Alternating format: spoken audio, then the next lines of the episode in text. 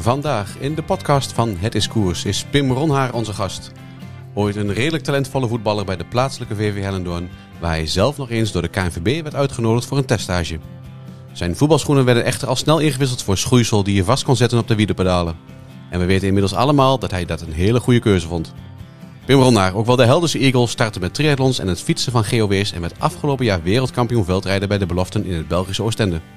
Zijn kwaliteiten werden ook gezien door oud-wereldkampioen en crosslegende Sven Nijs, die hem wist te porren voor een overstap van Paul Sausen Mingel naar het team van Baloise Trek Lions.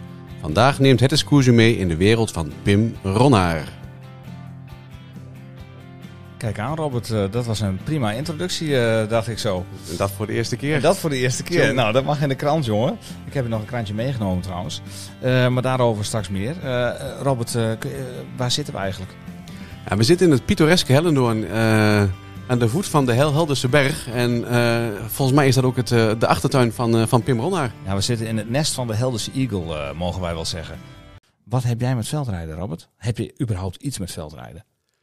Ja, de laatste jaren eigenlijk steeds meer. Het is natuurlijk een van de allermooiste kijk... Tenminste, persoonlijk vind ik dat een van de allermooiste kijksporten die er is. Eh de afgelopen weekend eh, met de Formule 1 eh, vond ik ook dat wel, eh, wel fantastisch natuurlijk. Het was ook een mooie kijksport aan het worden. Maar volgens mij eh, had het het nog niet bij, eh, bij veldrijden. Nee, wat, wat maakt het eh, veldrijden voor jou zo bijzonder? Ja, het, het is epic hè. Het is eh, door de modder, door de blubber en, en, en gaan met die banaan. En ja, elke bocht kan, eh, kan best gevaarlijk zijn. Elke bocht, eh, je zou haast zeggen, elke bocht kan je laatste zijn. Elke Maar bocht het is, eh, ja, het is behoorlijk eh, pittig, hè? Ja, ik, eh, we gaan het zo met Pim erover hebben. eh, want volgens mij is er ook wel een eh, relatie te trekken tussen veldrijden en ook Swift. Want de starts zijn beide super intens. Eh, en ook daar eh, doet Pim het een en ander op. Ehm, zullen we Pim er maar gewoon bij halen? Volgens mij is die er. Volgens mij is hij er. We hebben hem net al even gehoord. Eh, Pim, eh, ontzettend welkom. Eh, fijn, dat je de, fijn dat je erbij bent en dat je tijd had, eh, tijd had vandaag. Ja, bedankt. Leuk. Gezellig. Mooi. Pim, voordat we echt kunnen praten, hè, moeten we natuurlijk eerst ons theemomentje doen. Het heeft zoveel charme en toch lijkt hij zo gewoon. Ja, wat is een Het Koers TV of de Het Koers podcast zonder theevraag? Eh ik heb me even uit het, eh, het zakje gehaald. Eh, Pim, wat stel je altijd uit? dat is een moeilijke. Ehm, wat stel ik altijd uit? Uit bed gaan, denk ik, 's ochtends. Ja, probeer je, ik zo lang mogelijk uit te stellen. ben, je, ben je een echte snoezer? Nee, dat valt op zich nog wel mee. Ik zet meestal de wekker zo rond half acht 's ochtends. Maar ik probeer wel tot acht uur te blijven liggen, ja. Oh, lekker. Maar het is nog doenbaar. Ja, ja. Toen ik nog op school zat, was het erger. Oké. Moeten we daar, je zit hier met twee docenten, hè? Moeten we het daar even over hebben? daar Ja. niet over hebben. De drive om naar school te gaan was eh, niet heel hoog dus. Ai, Nee, ai, inderdaad. ai. Dus eh, ja, ik was al bang dat je zou zeggen trainen, maar eh dat kun je niet uitstellen, want anders hadden we hier niet, eh, hadden we hier niet gezeten. Ja, ik zat te denken aan misschien je fiets schoonmaken. Nee, dat doe ik altijd direct als ik terugkom van training. Ik zag... Tenminste, als ik in de zomer heb gereden, dan wel. Maar kom ik in de winter van de woensdagmiddagtraining terug, dan doet papa het meestal. Oké, Oh, ja. dat is ideaal. Dus dat is een afspraak die we hebben gemaakt en daar houdt hij zich goed aan gelukkig. Kijk, oké. Dus jij kijkt, jij kijkt wat voor dag het is en dan eh, stap je op de fiets en dan zoek je expres de plassen op als het, eh, als het woensdag is. Nee, nee, nee, het is echt puur alleen in de winter. Hè, want ik rijd dan naar Maat en Nijland toe. Eh, Dat is zeker een half uur rijden. En als het dan koud en nat is, een half uur terug, dan sta ik liever snel onder de douche dan dat ik nog in de koude fiets Ja. sta te poetsen. Eh, Maarten Nijland, wie is dat precies? Maarten Nijland is een oude crosslegende uit het oosten. Hè? Dat is, eh, die geeft woensdagmiddag trainingen voor de KMU.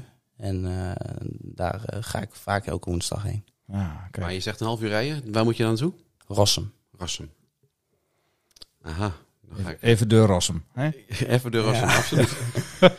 Hij ligt ook hoe snel je fietst. Kijk, als het een half uur is en, het is, eh, en je bent er zo, maar... Ja, hey.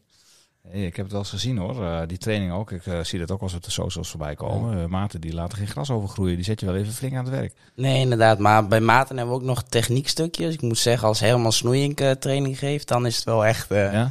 oldschool douwen. Kijk, en een beetje snoeien hè, langs En een beetje snoeien. Ja, ja, ja. Maar ik, ze komen ook wel eens deze kant op. Tenminste, ik heb ook wel filmpjes van je gezien eh, dat je door de diepe zandkuil hier, eh, ook een legendarische kuil hier trouwens in de buurt, dat je daar ook wel traint, of niet? Ja, klopt. Dat was toen voor het NK, denk ik. Hè. Dan, dan, dan proberen we proberen altijd elke woensdag een parcours uit te zoeken. wat een beetje op het weekend gaat lijken. Ja, en als het dan NK is in Huibergen was dat volgens mij, ja, dan, dan is het hier in ideaal om te trainen. Ja, ja. Ja. absoluut. Ja, we zijn wel gezegend eh, met deze achtertuin, moet Toch, ik eh, heel eerlijk zeggen. Ja, Ik ben er ook echt blij mee. zeker waar. Absoluut. Hey, ehm, we hebben het al heel kort even gehad over, eh, over het fietsen. Ehm, en we weten ondertussen dat je eigenlijk het liefst eh, van half acht tot acht uur nog eh, lekker ligt te snoezen. Maar wie is eigenlijk Pim Ronnaar? Kijk, iedereen kent je natuurlijk als fietser. en dat je een groot deel van je bestaan op, op twee wielen doorbrengt. Maar wie is Pim zonder fiets? Een drukke jongen. Ehm, maar ook, ook rustig. Ik denk, als ik zo hier thuis in, in mijn vertrouwelijke omgeving ben, dan kan ik heel, heel druk zijn. En eh, daar is mama niet altijd blij mee. Maar ben ik op verjaardagen of dat soort dingen, dan kan ik wel, kan ik wel heel rustig zijn. Kijk, aha. Hey, en ehm, heb je dat ook geleerd dat je ook, ook, ook rustiger moet zijn? Of dat je echt bewust je rust moet pakken tussen eh, training of wedstrijden door? Ja, dat heb ik wel afgelopen jaar echt, echt gemerkt. Want eerder ging ik altijd nog wel eens na de training. Dan heb ik drie, vier uur getraind. En dan ging ik nog wel eens met de fiets het bos in en een beetje springen en dat soort dingen. Ja, dat, dat zijn dingen die ik nu niet meer doe. Het liefst eh, doe ik nu niks na een training. Een beetje op de bank liggen slapen. En dat zijn wel dingen die ik afgelopen jaar echt heb geleerd. En heb je dan ook wel, eh, wel baat bij, zeg maar, na die tijd? Ja, zoals na zo'n training van vandaag wel, ja. Wat heb je vandaag gedaan? Ik heb volgens mij Maarten doorgestuurd vanochtend. Nou, ik zal, ik zal het appje er even bij pakken. Ik Man, had hem al man, eh, klaar zitten. Hij stuurde mij... Nou, er vielen mij twee dingen op. Ik zag de bovenbuis eh, van de fiets. Ik zag daar eh, ten eerste een groot wit eh, papiertje erop geplakt. Gewoon old Ja, school. Eh, de training hebben opgeschreven. staat 5 keer eh 2040. Ja, Wat dat is om te beginnen, ja. Wat, oké. Dat is eh 20 seconden sprint en 40 seconden rust. Ik mis het stukje warming-up hier een beetje. En ja, nou ja, dit was een training die ik na... het was, ik moest vandaag vier uurtjes trainen en dit ben ik begonnen na twee uur, tweeënhalf uur. Ah, oké. Nou, en dan eh, staat er 1 minuut 350 watt, 3 minuut drie- 375 watt, geloof ja, ik. klopt. Dan een minuut 425 watt. En dan zit er telkens tussen die blokjes zit er dan een, een periode van rust? Of is dit gewoon opbouw? Gewoon, Ja, gewoon- die eerste is dus 5 keer 20, 40. Dan heb ik 5 minuten rust. Dan is het dus dit tweede blokje 1 minuut 350 watt, 3 minuten 275 watt en 1 minuut 425. Dat is zeg maar ook één blokje achter elkaar, Ja, ja. ook van 5 minuten. Dan weer 5 minuten rust en dan gaan we naar de 5 keer 30, 30. Dat is wel echt een, echt een pittige. Maar 30 seconden sprinten? 30 seconden sprint. Maar dat is geen all-out sprint, want dat is, dat is wel echt killing. Het is echt een beetje stijgung, zeg maar. Maar Oh, oké. die laatste 10 seconden zijn wel echt all-out. Ja, ja. Ik krijg Maar dan zijn we er nog niet. zie Robert kijken. Oh, Ik krijg er nu al warm van. je begint al te zweten, Robert. Dat is echt eh, niet normaal. Nou, en dan... eh, En dan heb ik dus weer Ja. 5 minuten rust. Ja. En dan is het progressief opbouwen. Dus we beginnen aan 275 watt en die eindig ik op de... Vandaag was het rond de 600, denk ik. Dus gewoon gestaag 5 Ja, minuten ja. lang opbouwen. Dan weer 5 minuten rust. Dan 5 keer 40, 20. Die zijn wel echt... Ja, nekje, bijna nekje leggen. Ja, ja, ja, die, zijn, die zijn wel echt pittig. Dat is ook niet all out, maar die laatste 10 seconden zijn wel weer echt. Ja, en wat, wat is dan erger, die 40 of die 20? Eh, die 20. Ja, hè? Want die 20 zijn wel echt all out. Jeetje. Dus Dus dan ga je door dat je echt, echt zere benen hebt. dat ja, je niet ja meer tot kunt die 20 en seconden voorbij zijn. Hè?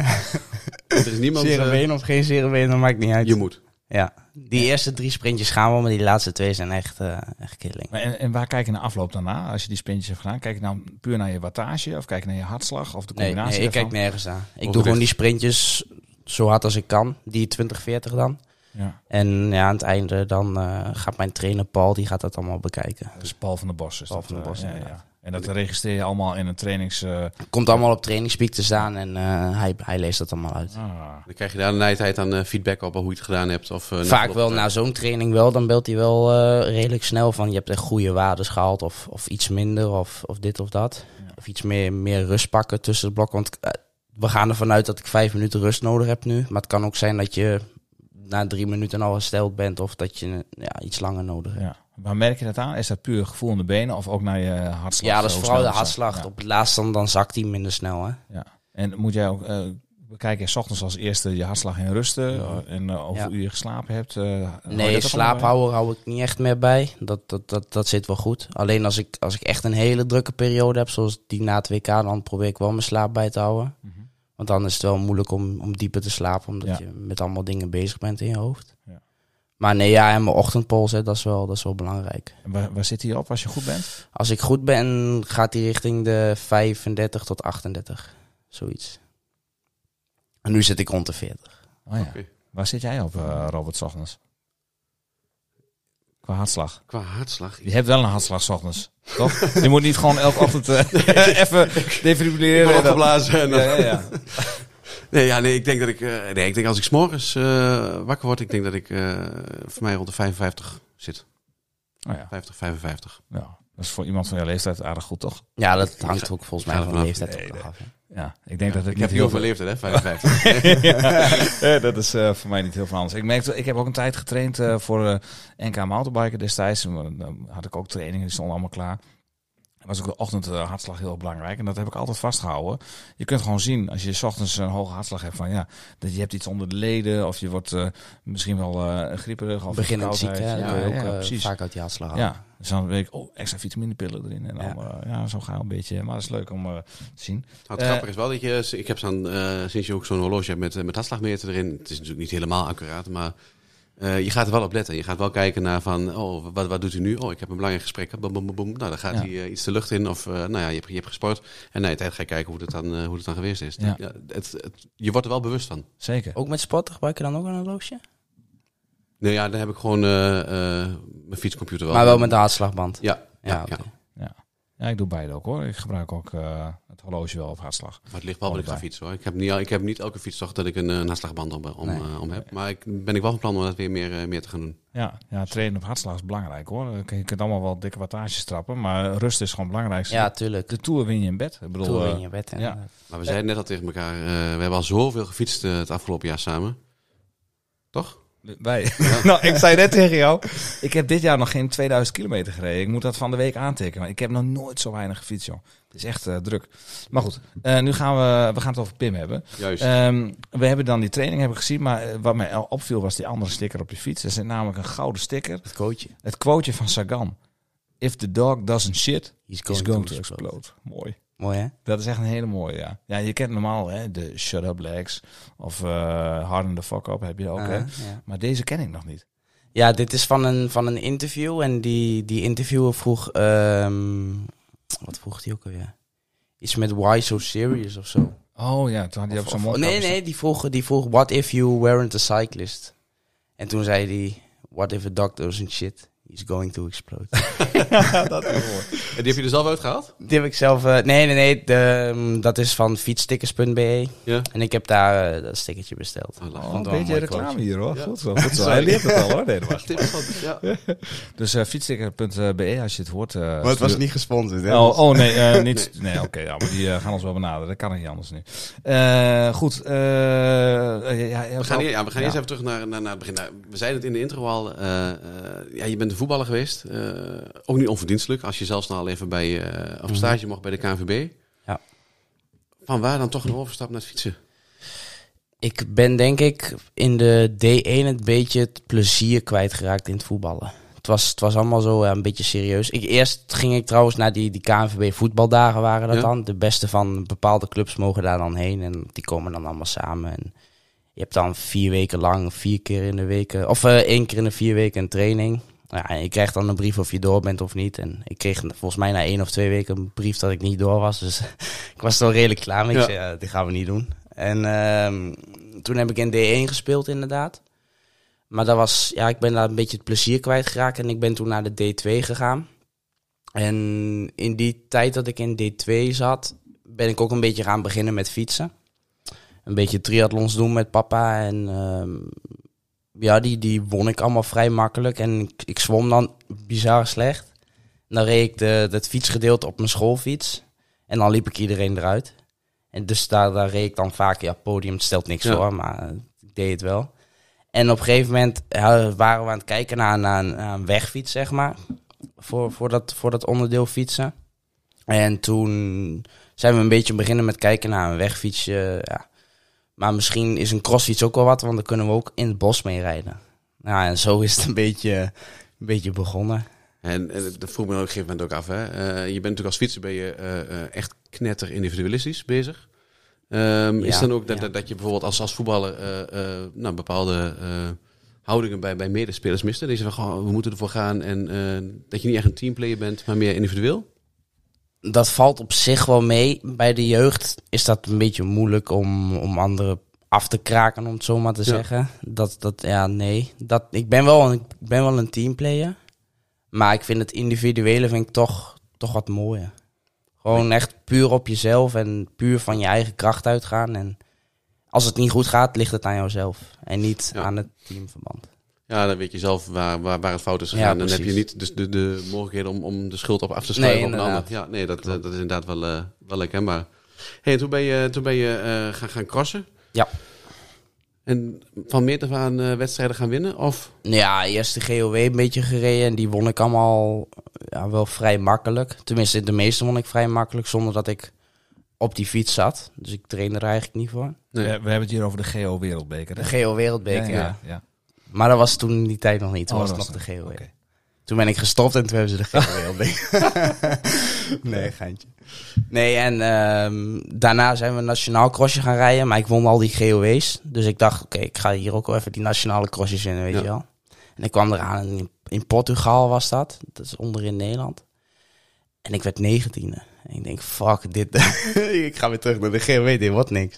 En toen ja, steeds meer die nationale wedstrijdjes gaan rijden. Het ging steeds beter, steeds beter. En op een gegeven moment... Ik zat dan bij de Zwaluw samen met Lars boven, de vader Ja. Jan boven. En die, Ja. die, die heeft in, eh in Ruddevoorde gewoond, in Mhm. België. En daar was dan de, de, de... Ja, nu is dat Merksplas, maar dat was toen... Ja, de cross in Ruddevoorde, de super prestige Ruddevoorde. Ja. En die reed ik toen en ik werd... eh achtste of negende of zo. Dus dat ging wel echt redelijk goed Ja. tussen de Belgische kampioen bij de nieuwelingen, dit en dat. En zo is dat eigenlijk een beetje begonnen, dat ik steeds meer wedstrijden in België wou beginnen rijden. Ja, en daar is het niet misgegaan, Nee, daar, daar- daar is het begonnen, zeg maar. Daar is het juist begonnen inderdaad. Hey, en toen eh 4 november 2018? Dat was het EK zeker, in Rosmalen, hè? Ja. Ja, klopt. Neem ons eens even mee terug naar, naar, naar die wedstrijd. Hoe ging dat? Ja, goed. nee, dat was, eh, dat was eh, mijn tweede EK, denk ik, hè? Volgens mij wel, het jaar daarvoor was in Tabor en toen werd ik vierde of vijfde. Dus ik was wel echt gebrand om, om daar te winnen. En ja, het ging, het ging allemaal super vlot en ik voelde me echt sterk. En die loopstukken in de zandbak kon ik echt, echt bij de jongens weglopen. En toen had ik al zoiets van, ja, ik ga hier winnen. Heb je het daar gewoon op het lopen? Ook? Onder andere, ja. Ja. Natuurlijk de rest van het parcours Ja, ook die- mee moet had ja, niet fietsen. Die willen we niet onderschatten. hard. Dan, eh, Nee, nee, nee. dan kom je er niet. Nee, maar dat is wel echt een, echt een pluspunt bij, bij mij in sommige crossen. Een beetje van tevoren ook al wie, wie in de gaten moet houden, wie er sterk zijn. En ik zeg, hé, hey, maar als ik daar dan eh, bij wijze van spreken in de eerste bocht al voor zit, dan, eh, dan doe ik het goed. Ja, in dat seizoen was het samen met mijn ploegmaatje Witse Meeuwse. Waren we wel vaak 1 en 2. Ja, dus ik wist wel wie ik een beetje in, mijn ga in de gaten Ja. moest houden. Parcours, ik kan me herinneren, was het toen niet heel erg eh, nat en glibberig? Nee, Was het toen eh, was droog. Of was de mannen, eh, de elite had toen een natte wedstrijd? Volgens mij ook niet. Nee. Dat was ook volgens mij Ah, droog. Oké. Snelle cross dus. was een snelle cross. Ja, heel veel draaien en keren daar Ja, ja, ja. Ja, precies. Oh ja, mooi. Hey, Europees kampioen geworden. En toen? Toen kwam er een gigantische dip. Toen kwam er een redelijke klap inderdaad. Ja. Maar dat was, dat was daarvoor eigenlijk al, hè. Ja. Dat was twee jaar daarvoor heb ik dus een epileptische aanval gehad op trainingsstage. Ik heb geen epilepsie, maar het was gewoon een eenmalige aanval blijkt. Ja. En eh, ik heb daar twee maanden gewoon ja, prima mee rondgelopen. Niks aan de hand. Ik heb een aanvaltje gehad, eh, bla bla bla bla. Ja. Onderzoeken gedaan in het ziekenhuis, alles was prima. Mhm. Nou, en op een gegeven moment begon ik een beetje mezelf onzeker te voelen of zo. Mijn vertrouwen in mijn lichaam kwijt te raken op crossen. En ook in het dagelijks leven, zeg maar. En toen won ik dat EK en ik weet nog wel dat ik klaar was met de, met de dopingcontrole. En ik was aan het praten met de vader van Marianne Vos. En uh, hoe ging het, dit en dat? Ja, goed, goed, goed. En die vader moest er vandoor en wij gingen ook naar de camper. En ik liep naar de camper en in één keer kreeg ik een, blijkbaar achteraf dus een paniekaanval. Ik werd, Ja. ik werd even niet goed en ik, in de- ik ging in de bus liggen en ik denk, ik word niet goed, ik, moet- ik moet weg hier, ik moet, ik moet weg hier. Mhm. En toen zijn we weggereden, dus ook geen feest gevierd of, of dit of dat. En toen reden we op een gegeven moment de snelweg op en toen ging het weer. Ik denk, wat, wat, wat is dit nou? Ja. Eh, heel raar. En ik- ja, toen wist ik nog niet wat dat was. En blijkbaar is dus dat ja, de paniekaanvallen geweest om de angst om, om weer zoiets te krijgen. Dat, Ja. dat kwam toen heel sterk naar boven. En ik denk dat dat komt omdat ik de eerste twee maanden alles een beetje heb weggestoken. En niet serieus ermee om ben gegaan. En toen blokkeerde je naar dat EK min of meer. En toen ging het steeds minder, zeg maar. Toen kon je niet meer presteren, kon je jezelf niet meer eh, motiveren. Nou ja, dat, door die dat- angst? Dat of? presteren ging wel. Want als ik, als ik eenmaal gestart was, dan, dan liet ik alles los. En dan kon ik ook gewoon koersen winnen, crossen winnen. Ja. Maar het was vooral de angst na de start toe. Omdat daar... Oh, je wordt gebeld. Ik word gebeld. kan gewoon gebeuren, het is allemaal live. Als u dit nu luistert, is dit gewoon opgenomen. As we speak. Ja, ja, ja. En misschien zijn dat, weer on eh, we speaking zijn, terms, We zijn toch? weer on speaking terms, excuus. Ja, maar je was dus aan het vertellen. Ja, als ik naar de stad reed of zo, dan, dan, dan staan daar veel mensen bij. Dan staan daar mensen te kijken. En ik was vooral bang om, om weer een aanval te krijgen met publiek erbij of zo. Dat, Ja. dat mensen dat zouden zien dat ik daar op de grond zou liggen. Dat soort, dat soort allemaal domme ideeën, domme gedachten eigenlijk achteraf. Maar ja, dat, daar was ik dus ja, tussen haakjes bang voor dan. Maar Ja. besef, besef je dat ook op zo'n moment? Dat je zegt, oh wacht even, ik moet daar weer naartoe en ik ga nu uh, Ja. starten. En, Ja, ik zag er echt tegenop. Ik heb zelfs gehad in de Super Prestige in de zon over dat ik niet eens ben gestart. Dat ik me zo, zo slecht voelde. Ik zag er zo tegenop. En ik zei Ja. tegen papa, ik, nee, ik ga, we gaan naar huis. En toen heb ik een tijdje rust gepakt. Ik Mhm. denk drie, vier weken geen wedstrijd gereden. Toen was het NK Ja. En die won ik. ja, toen dacht iedereen, nou, het lek is boven. Pim is, eh, is terug. Ja, maar ja, ja, nee, ja, toen had ik alsnog wel die, die, die angstmomentjes. Maar het, werd, het werd steeds iets minder en minder en minder. En ik won dan die cross en na de wedstrijd voelde ik me ook gewoon, gewoon prima. Dus niet meer dat, dat angstmomentje na het EK, zeg maar. Maar ja, nee, sinds toen is het een beetje ja, opwaarts gegaan. Natuurlijk niet in één keer een stijgende Nee, lijn. Dat gaat nee. met, met loopings gaat dat. Ja, ja, ja. Een paar keer over de kop gegaan.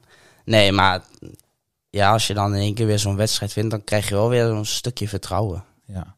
Ja, dat is mooi. Succeservaringen die eh, bouwen natuurlijk eh, mee aan een eh, goede basis weer. Ja. Fundament. Eh, maar het op eigen houtje eh, redden, weer helemaal eh, in het reinen komen met jezelf, dat, dat was vrij lastig. En heb je hulp gezocht. Ja. Eh, en daar was een tante of jou bij betrokken. Klopt. Daar gaan we het zo even over hebben. Want tante Betsy verdient natuurlijk wel een, een dikke shout-out. En anders hadden wij, ja, ja, hadden wij hier niet echt, gezeten. Maar je hebt dus hulp gezocht bij een local legend, te weten Rob Harmeling. mhm. En wij hebben hem gevraagd of hij ons kon vertellen waarom hij je, graag wilde helpen en hoe dat proces verliep. Mhm. Luister maar eventjes. ben benieuwd. Ik vond het belangrijk om Pim te helpen. Eh, op de eerste plaats is hij door een tante van hem eh, eh, naar mij toegestuurd. Die tante heeft wel een heel lief telefoontje gestuurd. En dan heb ik gewoon gezegd van, weet je, dan moet hij zelf eens een fietsje klimmen. En eh, ik was aan het werk op de Energie- Energiestraat, waar ik toen mijn bedrijf had. En hij kan hier eh, altijd binnenvallen, geen enkel probleem. Eh, tijdstip maakt niet uit, laat hem maar binnenvallen. Dus de eerste actie eh, wachtte ik af, die, die kwam van hem. eh, maar diezelfde stond eh, een, een verlegen jongetje, laat ik het zo maar zeggen. eh, die eh, niet vrolijk uit de ogen keek. eh, grote dromen had. En, maar daar een beetje mee worstelde doordat zijn lichaam eventjes in de steek had gelaten. En toen heb ik alleen maar geluisterd naar hem. En ontdekte ik dat het een, een, een, sowieso een, een goed kereltje was. Heel snel. En dan als ik dat, dat gevoel heb, dat is een onderbuikgevoel. Een, een, een, een soort van sensor, die, die, die, dat- daar, daar beschik ik over. Daar heb ik wel redelijk kijk over. Dan wil ik wel graag een stap verder gaan. En ik heb natuurlijk zelf gefietst. En eh, ik weet eh, eh, dat de weg naar de top toe dat die lastig is. Dat er heel veel drempels zijn. En dat je ook eenzaam is. En dat je vaak wel terug wordt geworpen. Dus ik herkende heel veel in zijn gevoel. Ook wanneer je lijf even in de steek laat. Hoe je daar weer zelfvertrouwen in, je, in jezelf krijgt. En eh, eh, want ja, je, je kunt doen wat je wil. Uiteindelijk sta je alleen in de start. En je kunt eh, iedereen hulp roepen. Maar op, een bepaald moment, ondanks dat je een super team om je heen hebt, moet je het eventjes helemaal alleen doen. En dat zelfvertrouwen heb ik eigenlijk hem, denk ik, niet gegeven. Maar ik heb hem gewoon een open kaart gemaakt. Of, of een, een, een blad gepakt van nou. Ik heb tegen Pim gewoon letterlijk gezegd: Pim, weet je wat je moet gaan doen? Je moet een winnende omgeving gaan bouwen. Kijken wat je kunt en gewoon kijken welke mensen je heel goed kunt gaan, gebruiken. Gebruik de goede zin van het woord. Dan heb ik gewoon een paar mensen heb ik hem aangewezen. Die zou die kunnen zijn, die kunnen zijn. Ik zeg, en dan moet je gewoon eigenwijs in zijn. Ik bedoel dat meer eigenwijs, een eigen wijsheid. Waarmee je denkt van hier kan ik echt mee verder. Op die manier wordt hij dan eh, steeds meer, krijgt, krijgt hij steeds meer grip op zijn, op, op zijn eigen trainingsplan, op zijn eigen doelen. En eh, dat, ging toen heel erg snel. En we hebben gewoon nog een paar hele leuke gesprekken gehad. En ik ben maar één keer met hem fysiek mee, nee, twee keer fysiek met hem meegeweest op te trainen. En dat liet ik maar gewoon, want toen kon ik echt merken dat ik oud-renner was. En eh, ik heb een keer een training van bekeken toen hij, in een training, eh, toen hij aan het trainen was in Hellendoornsberg. Dus een thuiswedstrijd. En dan, ehm, ja, dan, die, die- deze jongen is maar heel weinig nodig om hem op, de, om op het goede pad te krijgen. Zeg maar. Hij is heel erg eager. En aan de andere kant heeft hij ook enorm veel talent. En dat is een, een, een, een, ehm, daar ben je wel nodig, want van een ezel maak je geen renpaard. Maar dat is ook gelijk zo'n struikelblok. En eigenlijk zonder dat hij het weet, maar eigenlijk volgens mij weet hij het wel, eh, eh, bekijk ik hem elke dag wat hij doet. Ik, ik, volg, ik volg zijn social media, weet ik allemaal wat, kijken of hij eh, in, in mijn be- be- be- be- belevingswereld genoeg met de koers bezig is. Maar ik heb hem nog niet hoeven te bellen om hem eh, bij te sturen, zeg maar. Maar eh, nou, Pim weet dat hij gewoon dag en nacht eh, bij mij kan aanbellen. En eh, dat ik hem begrijp. We begrijpen elkaar. En ehm, nu met die regenboogtrui, dat heb ik dan zelf ook meegemaakt, wordt het nog weer anders. Maar we hebben het al eens gehad over een omgeving. En eh, hij heeft nou een hele mooie omgeving gekregen in België. Eh, eh, ik, ik ben enorm fan van zijn trainer Paul van der Bos. Een man die echt verder kijkt dan naar trainingsschema's alleen. En in het verlengde daarvan zit Sven Nijs. En ik denk dat hij nou in een warm bad komt. En dat hij nou hele grote stappen gaat maken. En daar kijk ik enorm naar uit. En daar kijkt hij enorm naar uit, Pim. Ja. Het is toch mooi dat hij deze woorden zo... eh, Echt mooie woorden. ja, en want eh, dat betekent erop eh, veel voor je als je gaat kijken naar jouw tot nu, dan toe, eh, tot nu toe eh, korte carrière. Ja, als ik het in vogelvlucht nu ga bekijken, dan eh, dan heeft hij echt, echt, mij echt geholpen. Ja, Daar ben ik hem echt heel dankbaar voor. ja. Maar is het ook omdat je elkaar echt eh, als, als topsporter gewoon begrijpt en, en nou, hij is daar zeg maar ook geweest en, en dat hij dat dan gewoon herkent en dat je alleen maar hoeft te praten? Ja, tuurlijk helpt dat, want ik ben ook naar de psycholoog in Nijverdal geweest. Maar dan praat je met, ehm, ja, niks tegen die mensen Mhm. natuurlijk, hè, want ze helpen, ze helpen mensen.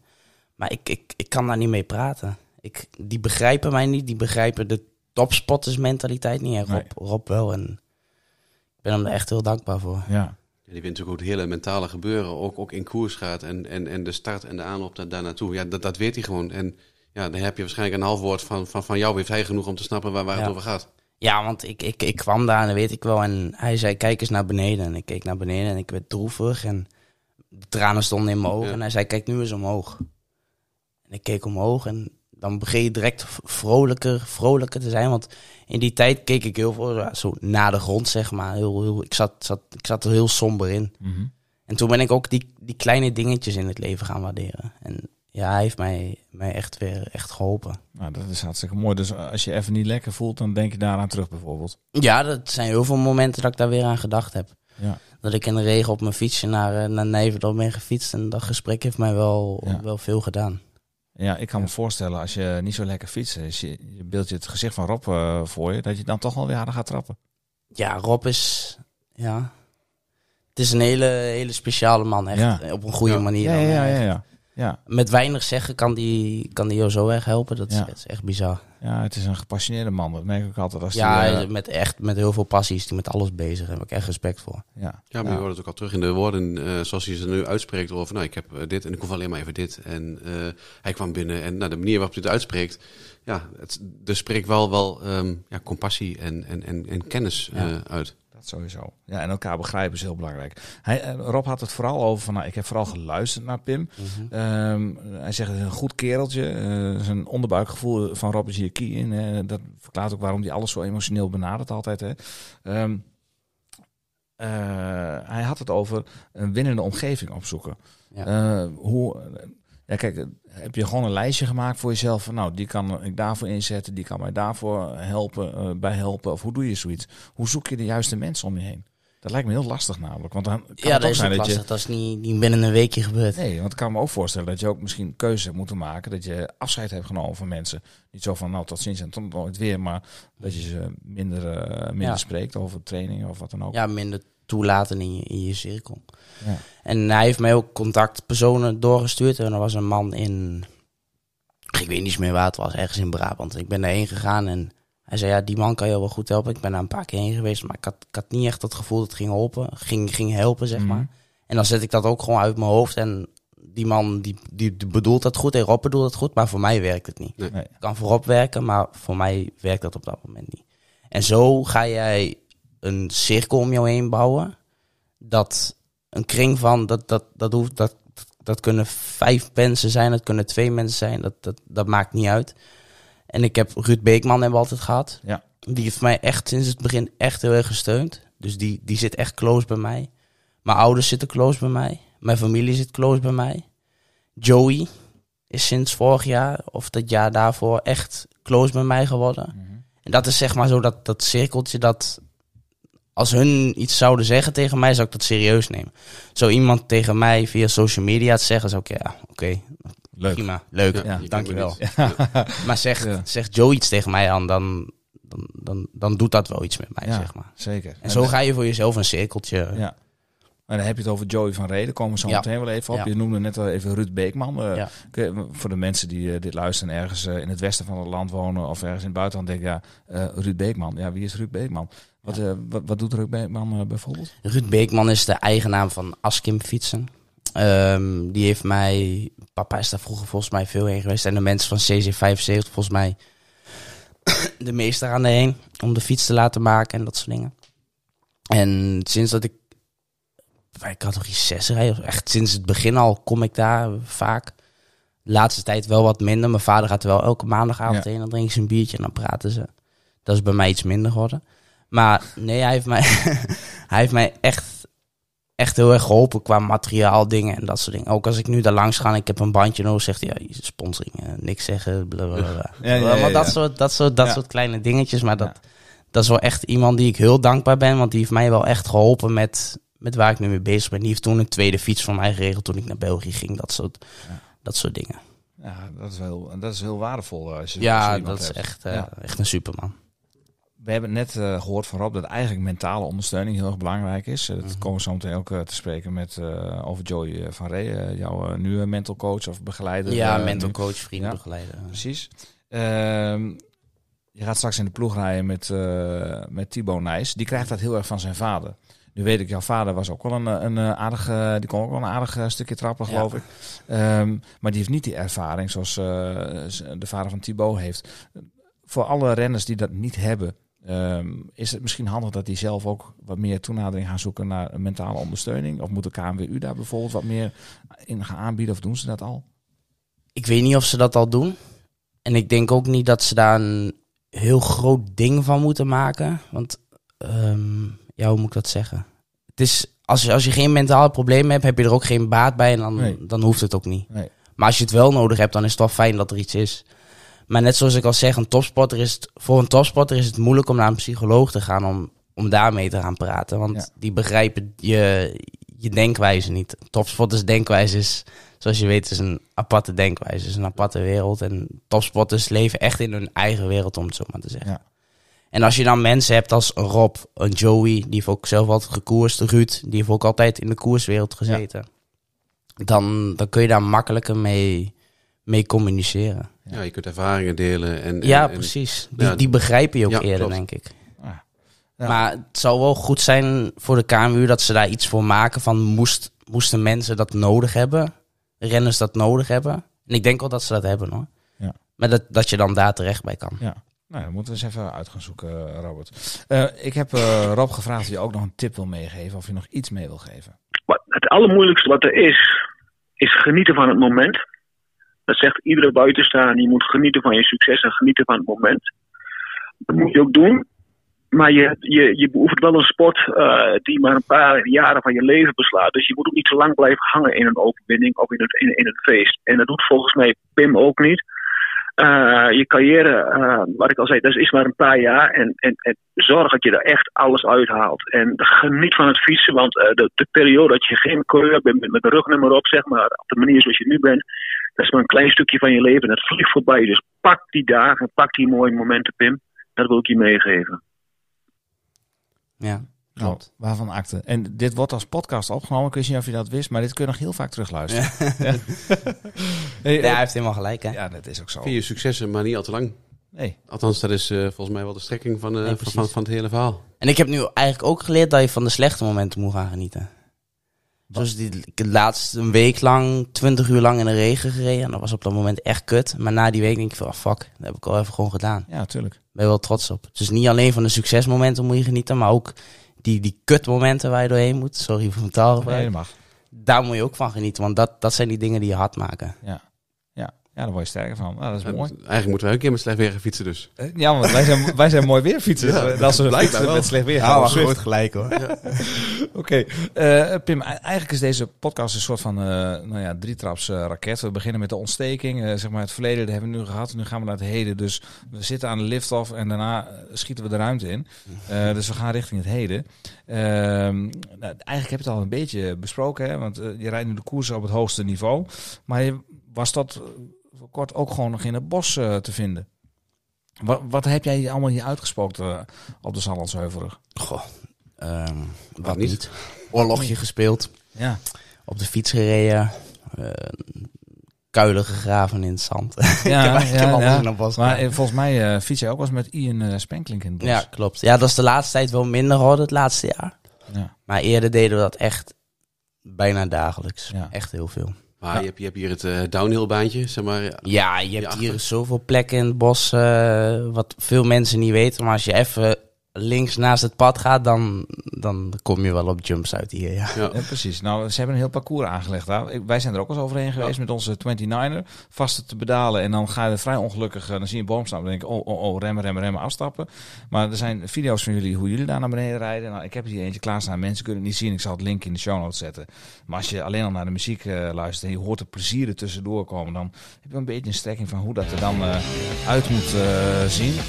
Dit ken je wel, eh, Pim, geloof En je hoort eh, de ketting al. Ik zie echt kombochtjes, eh, jumps. Ik zie af en toe op Insta zag ik van die eh, mooie tricks en zo. En gewoon, volgens mij ook van die, eh, van die, eh, ja, wat, van die backflips en zo. Ja, maar dat is Ian van. Ian Dat is Ian. echt van het, van het extreme en die doet dit nog wel vaker. Ja.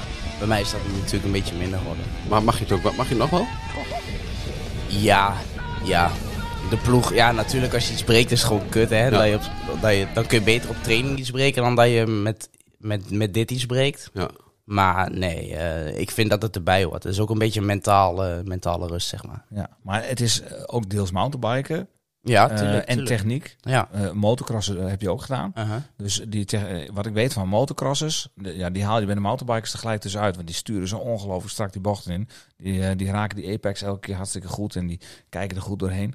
Eh, is, dat al, is dat een groot voordeel voor jou eh, in, de, in de cross? En eh, ook, want je gaat ook mountainbike-wedstrijden rijden. Ja, dat is zeker een groot voordeel.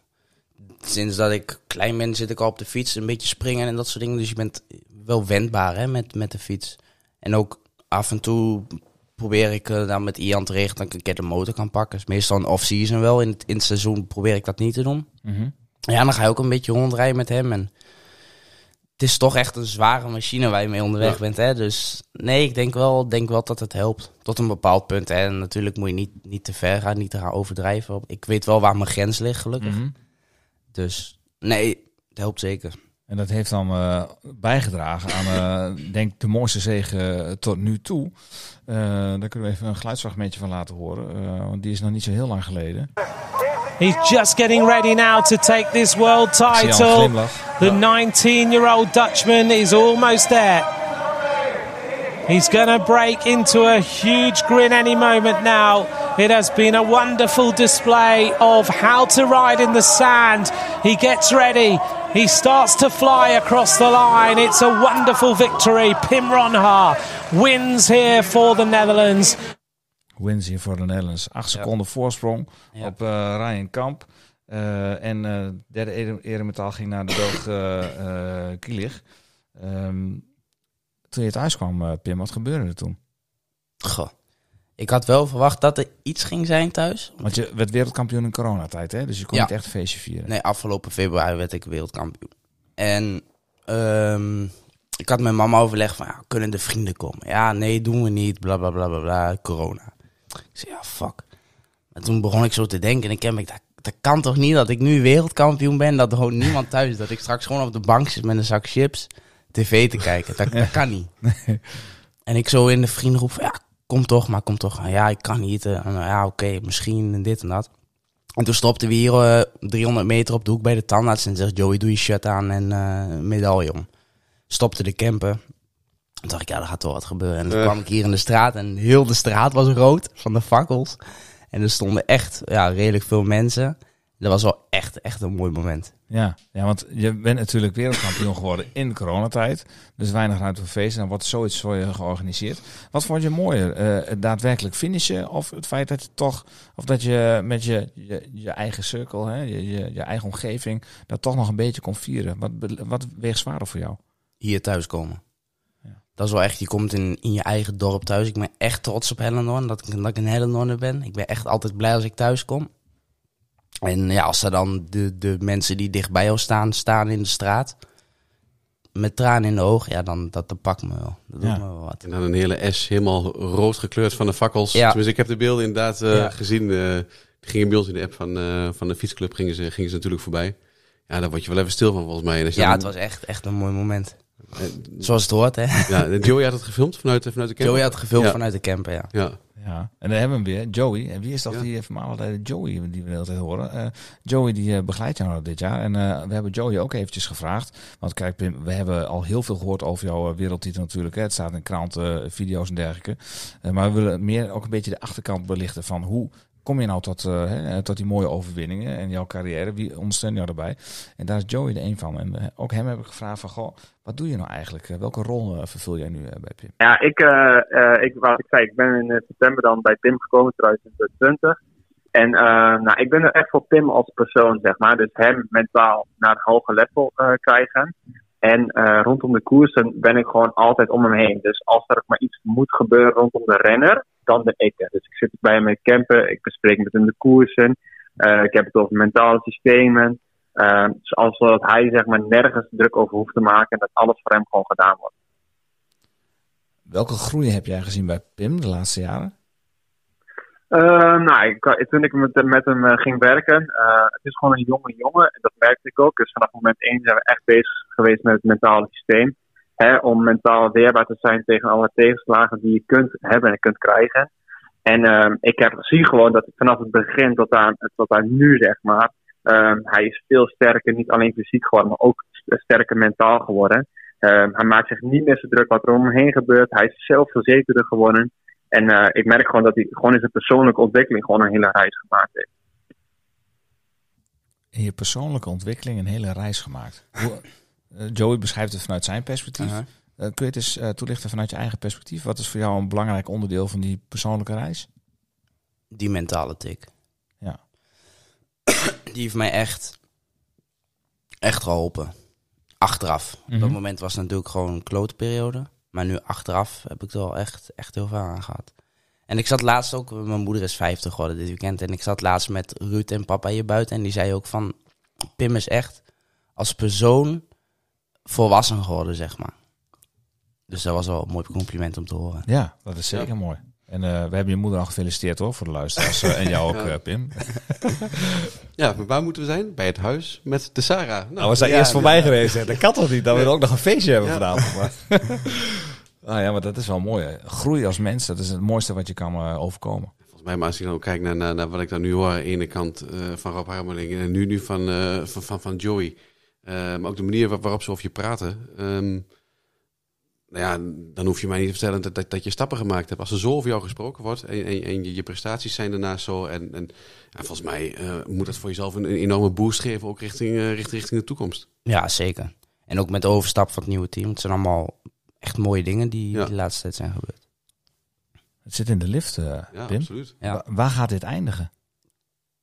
Het zal ooit een keer moeten eindigen, hè? Ja. Dus je mag niet van je succes, hebben we net gehoord. Ja, precies. Ja.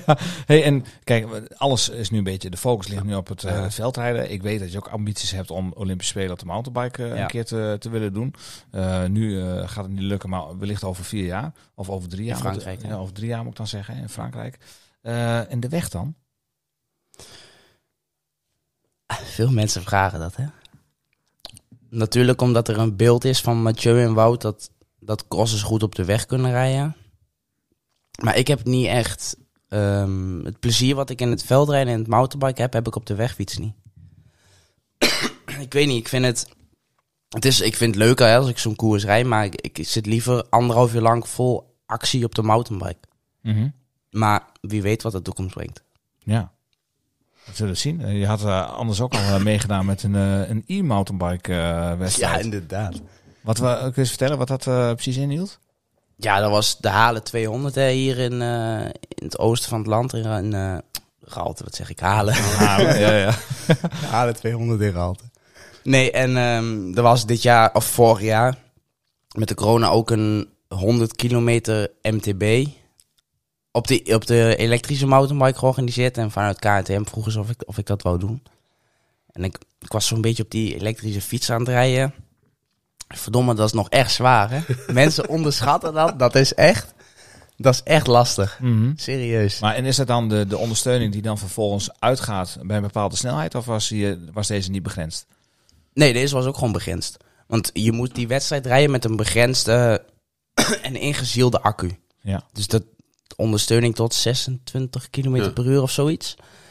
En ja, die accu, die is, je laat hem 100% op. Maar als jij in full power gaat rijden, houdt die accu 60 kilometer vol. Dus dan moet je 40 kilometer lang met een, ja, ik weet niet wat, die, wat wegen die fietsen. Ja, dat zijn wel zwaar. Veel. 15 inderdaad, kilo, ja. 15 ja, tot 20 zeker, kilo, ja. minimaal. Dus je moet dat zelf ook nog goed, goed in gaan delen. En er zijn stukken op de route dat jij bergop 26 is hard, is heel hard hier. Mhm. Maar je hebt ook vlakke stukken, dan dat is niet hard. Maar ik, ik weet, er zit een hele tactiek achter. Ik heb, ik heb die wedstrijd uiteindelijk niet gereden omdat het ge- geannuleerd werd door corona. Ja.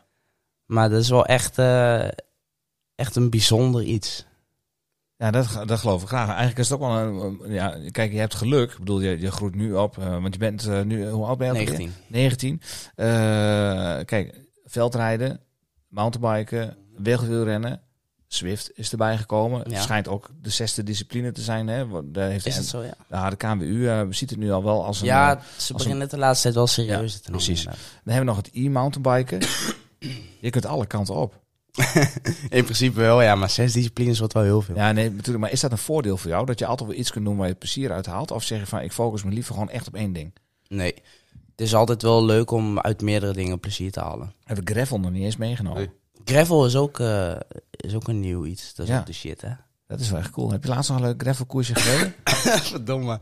dat was niet normaal. Het regende zo hard. Ik was met Joey aan het... Die, die nieuwe trekfiets. Ik heb een filmpje gestuurd, maar dat was echt... We reden dan die, die Het is Koers gravelroute. Ja. Hoeveel kilometer was die? 60? Nou, 67? of zo? Ja, zoiets, ja. En ook over zandwegen gaat hij. En in de zomer is dat prima te doen, hè. Dan is het hard. Maar het had geregend, jongen. En Joey had echt de brede gravelbanden. Sorry. En ik reed op mijn 32 crosstubes. Maar ik kwam thuis met een normalized power. Dat was niet normaal. Ja, die was behoorlijk hoog, denk Die ik. was redelijk hoog, Ja, inderdaad. want het stukje achter de bork, de- bij de borkel, daar bij Rijssen zit erin. En die, eh, ja, dat is een behoorlijk mul en eh, modderig eh, gebeuren. Het is wel veel plezier als je daar, als je daar zit.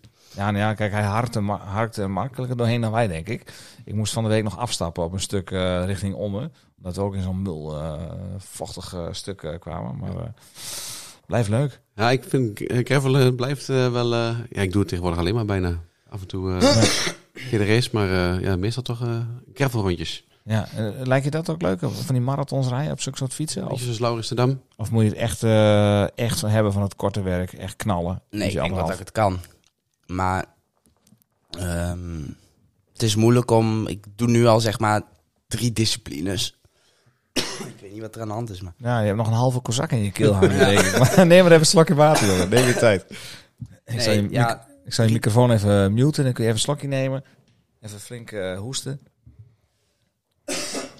Zo, ik ben er weer, denk ik. kijk, goed zo. Nee, ja, drie disciplines is al is veel om te doen, hè. Mensen Ja. onderschatten dat. Twee disciplines is eigenlijk al veel. Want je kan niet eens twee volle disciplines doen. Ja, Mathieu en Wout doen het, maar je ziet ook dat die bij één discipline iets in gaan moeten leveren. Ja. Ja. Kijk, je veel, kijk je veel naar die jongens als inspiratiebron? Of kijk je er tegenop? Of denk je van, eh, oh, dat gaat mij ook gebeuren, want ik ben van, dezelfde, van hetzelfde kaliber? Nee. Legt het een druk op je? Nee, dat totaal niet. Nee. Nee, absoluut niet. Nee, ja, we zeggen ook wel eens voor de wedstrijd van ja, Mathieu en Wout doen mee, dit en dat. Maar je kan jezelf niet met die jongens vergelijken. Dat is, die zijn gewoon van een ander niveau. Mhm. Maar je ziet ook wel dat hun ook in gaan leveren op, op, op bepaalde vlakken. Hè? hun moeten zich nu ook gaan specialiseren op een sprint of op klimmen. Of, die kunnen ook niet alles meer. Die worden ook Nee. ouder. En Ja. je komt ook op een niveau te rijden. Dat als jij tegen een sprinter aan het sprinten bent, bijvoorbeeld in Ewan, moet je ook echt, echt trainen om te sprinten. Mhm. Dat is niet als je als, als klimmetje even zo'n sprinter eruit Nee, sprint. nee. Dat, dat gaat niet meer. Wa- Wat voor renner op de weg ben jij? Ehm, domme rennen. Nou, er zijn er meer van, dus eh dan kan ik je de hand geven. Oh, dat mag niet, dat mag niet. Nee, ja, bij de elite koersen valt dat mee, hè, want dan, dan kan ik niet veel aanvallen. Want er wordt gecontroleerd door Quickstep of een, of een Lotto of Ja. of noem maar van die ploegen maar op. Zoals nu afgelopen weekend op het NK ook. Ja, ik zag het. Als ik dan niet wegkom, dan blijf ik aanvallen. Ja. En dat zijn niet de, sli- de slimste Nee. dingen. Nee, maar ik, heb, ik koers gewoon graag. Als ik zo op de weg rijd met mijn eigen, eigen leeftijdsgenoten, dan, dan koers ik gewoon echt graag. Ja. En, en wat voor discipline ligt jou dan goed? Eh, is het dan eh, meer eh, een klassieke wedstrijd? Of is het meer een klimkoersje? Of is het meer... eh, of ben je, ja, wat voor... Wat voor, eh, wat Ja, het liefst een beetje je? heuvelachtig. Ja. Dat is wel, ik ben niet alles, al, eh, allerzwaarste renner. Dus dat is wel iets wat me ligt. Sprinten, sprint totaal niet. Ik hou er echt niet van, van een gekwak. Nee. Ben, je, daar- ben je meer een puncheur-achtig? Ja, misschien dan wel. Maar ben je explosief in de, in de sprint? Ehm, ik ben wel redelijk explosief, maar niet in een massa-sprint. Nee. Dan moet ik echt met een groepje van zes, zeven man aankomen. En dan kan ik wel hoog eindigen. Ik zeg niet dat ik hem win, maar dan kan ik wel hoog eindigen. Maar ja, geen sprinten. Ik hoor hem al. Luik, Bastenaken, Luik. Ja. 2024. Ga er maar aan staan, Pim Ranna. Ik vind het wel eh, voorspellingen die, eh, Ja. die Ja, gedaan nee, worden. dit, Maar eh, ik, we ik nemen het op. We nemen het op. Ja. Het staat Ja. vast. Ja, precies. Eh, eh, even zien. Ehm, ik wou nog een tip laten horen eh, van Joey, maar ik had ook nog een vraag, maar die ben ik inmiddels vergeten. Nou, als die nog, eh, dan was die vast nog niet zo belangrijk. Eh, Joey wilde je ook graag even een, een tip eh, meegeven. Eh, ik wil zeker wat meegeven aan, aan Pim. Er zijn nu een hele mooie samenwerking gaande met, tussen mij en hem. En eh, we hebben de laatste maanden gewoon ja, steeds meer contact. En eh, ons vertrouwensband is ook gewoon steeds groter aan het worden, merk ik. En eh, ik eh, gun het hem om gewoon zichzelf te blijven. Ondanks dat het eh, natuurlijk, eh, hij is prof geworden. En eh, nou, ik gun dat deze jongen gewoon met beide benen op de grond. Nou, echt bij zichzelf blijft. Wat is nou echt belangrijk om de topspot heen? En eh, nou, dat gun ik hem. Dus dat hij gewoon zichzelf kan blijven. In plaats van zich ook moet gaan meten aan de schoen. Dat je jezelf kunt blijven. Ja, Uitgaan van eigen kracht is dit volgens mij. wat zei je? Uitgaan van eigen kracht. Ja, dat is belangrijk hè, in de sport. Ja, want je, er zijn genoeg eh, voorbeelden van, van grote sporters die zich nou ja, met de verkeerde mensen om zich heen verzamelden. En eh, nou ja, hè, eh, uiteindelijk eh, zichzelf groter achter dan, eh, dan, de, dan de rest, dan het team. Eh, maar ja, dat is een goede tip. Ja, blijf vooral jezelf. En dan moet, moet je de juiste mensen om je heen verzamelen. Maar ook mensen die kritisch zijn tegen je. Zijn er mensen tegen jou kritisch? Uit jouw tuurlijk. omgeving? Wie, wie is een goed klankbord voor jou bijvoorbeeld? Uh, ook Joey. Ja? Als hem iets niet aanstaat, zegt hij dat. Eh, Die kan je gewoon op je flikken geven. Ja. Ja. En daar doe ik dan ook zeker wat op uit. En dat zeg ik niet tegen hem. Dan zeg ik, ah, fuck jou, je, je hebt geen gelijk. Dit en dat. En dan, dan blijft dat zo'n beetje doorgaan. Maar ik weet wel dat hij En dan later in, s'avonds in bed. eh. Maar dit is trouwens dom dat ik het nu Ja, zeg, nee. want hij hoort dit ook. Hij hoort het ook, ja. nee, dat- in Nijverdal wordt het niet uitgezonden, toch? Ja, nee, nee, nee. Kun, kun je een voorbeeld geven van het laatste waar je, nou ja, waarvan je zei van, ja jongen, kom op hé. Dat weet ik zelf wel. Waar Joey toch eh, gelijk bleek te hebben. Iets waarvan je zegt van, nou, Ehm, dat zijn vooral kleine dingetjes op de cross. Ehm, ik, ehm, voorbeeld geven is een beetje moeilijk. mhm. Maar jij weet waarschijnlijk zelf wel dingen eh, als je in de koers dat waar het aan gelegen heeft. Ja. Heeft, heeft het dan ook zin om dat nog een keer weer tegen jou te benoemen? Of krijg je dan zoiets van, ja jongen, bekijk jij het even. Ik weet, het echt, ik weet echt wel wat ik fout gedaan heb. Ja, trouwens, het is wel hè. Tijdens na het WK voelde ik me echt niet, niet goed. Ik denk dat ik iets te scherp stond tijdens het WK. Maar dat was op dat moment dan goed. Maar die weken daarna ik een beetje de naweeën van. ja. En eh, ik reed dan op plek 20, 30 in de cross. En dan staat hij in de post en ik sp- sprint dan langs en dan roept hij... Kom op jongen, het gaat goed. En dan denk ik, jongen, jongen, het gaat helemaal niet goed. dat zijn dan van die, van die dingetjes. En dan Ja. zeg ik hem dan na de wedstrijd. En dan zegt hij, ja, weet ik wel. Maar dan een beetje lachen met elkaar. Ja. Oh, dat is mooi. Er is ook wel, er is ook wel ruimte voor humor. Ja, Ja, ja, daar is Joey ook niet vies van. Maar wat je zegt, ik stond een beetje scherp. Nou, jij bent een van de eerste renners waarvan ik zag dat een snelpak gewoon los zat. Dus eh, je stond behoorlijk, eh, Ja, ik stond, scherp. ik stond echt heel scherp. Ja. Misschien een beetje te scherp. Ja, nee, op dat moment dan niet trouwens. Hè. Op dat moment was het wel goed. Ik had nog wel gewoon mijn kracht, zeg maar. Daar had ik niks op in moeten inleveren, maar die weken daarna wel. Ja. En wat is dan, eh, kijk, je weet dat de renners eh, ontzeggen zichzelf heel veel, hè? Eh, Lang geen, geen slechte dingen eten. een, een keer een patatje, maar zonder saus bijvoorbeeld. Wat is het eerste wat je hebt gegeten na het EK? Waarvan je zegt van, nou, dat is echt, oh, daar heb ik toen zo lang naar uitgekeken. Kapsalon. Lekkere kapsel. Lekkere kapsalon. Duizend calorieën of zo zit er in. dat. Ja, ja, ja, minimaal. En dan zonder gêne. hè? Heerlijk. Stouwen. Ja, nou mooi. Nou, eh, dan hebben we eigenlijk het heden gehad. En dan gaan we eigenlijk eh, naar het eh, derde onderwerp. eh, De toekomst. de toekomst, ja. Eh, je stond onlangs in het, eh, in het, eh, in het stinkertje, zo noemen we dat, hè, hier. Ik heb hem hier, dus het, eh, het, kraan, het kraantje. De- zijn twaalf, twaalf blaadjes, allemaal met andere namen, allemaal dezelfde inhoud. Ja, hier heb ik eh, het kraantje voor me. Er staat Hellendoorn Pim Ronhaar versterkt Baloise Trek Lions. En dan ben je in één keer eh, bij Prof. Sven Nijs. Bij, en ben je prof. Bij Sven Nijs. Ben Sven, eh, bij Sven Nijs. Dat is toch al... eh, was dat een stap die je aan zag komen? Had je dat verwacht? Ja, voor het WK had ik ook al verwacht dat ik wel prof ging worden, redelijk snel. Ehm, of toen bij mijn huidige ploeg of bij andere ploegen. Want ik Ja. heb meerdere, meerdere aanboden gehad van, van meerdere ploegen. En ik heb met mijn management gesproken. En mijn management heeft gesprekken gehad met, met verschillende ploegen. En mogen we ook nog weten welke ploegen dat zijn? Luistert niemand hoor. Eh, ja, Baloise Trek dan. Ja. Eh, Jumbo, Visma. ja. En Corendon. Correct. Maar Corendon heb ik al redelijk snel een beetje uit mijn hoofd gezet. Omdat ehm, die hebben echt veel, veel ploegen. De Roodhoofs hebben echt eh, ja, vier of drie, drie ploegen. Dus stel het zou heel slecht met je gaan, zouden ze misschien kunnen... Ik zeg niet dat ze het doen, hè, maar Nee. dat zouden ze kunnen zeggen van... Oké, je gaat van dit team naar dat team. En die, die kunnen nog wel eens verschuiven qua, qua dingen. En ik heb wel vastigheid nodig. Op, op dit moment is dan voor jou eh Trek Baloise Lions is gewoon de beste optie. Ja, dat was het meest interessante aanbod. Ja. Maar waar, waar ligt dat? waar- wat is dan voor jou van doorslaggevende factor? Is, is het dan eh, het vertrouwen wat ze je willen geven? Is het programma wat, wat ze willen maken? Het toekomstbeeld? eh, wat Vooral, vooral het toekomstbeeld ook. Natuurlijk komt er ook het financiële bij kijken en daar ga ik niet over liegen.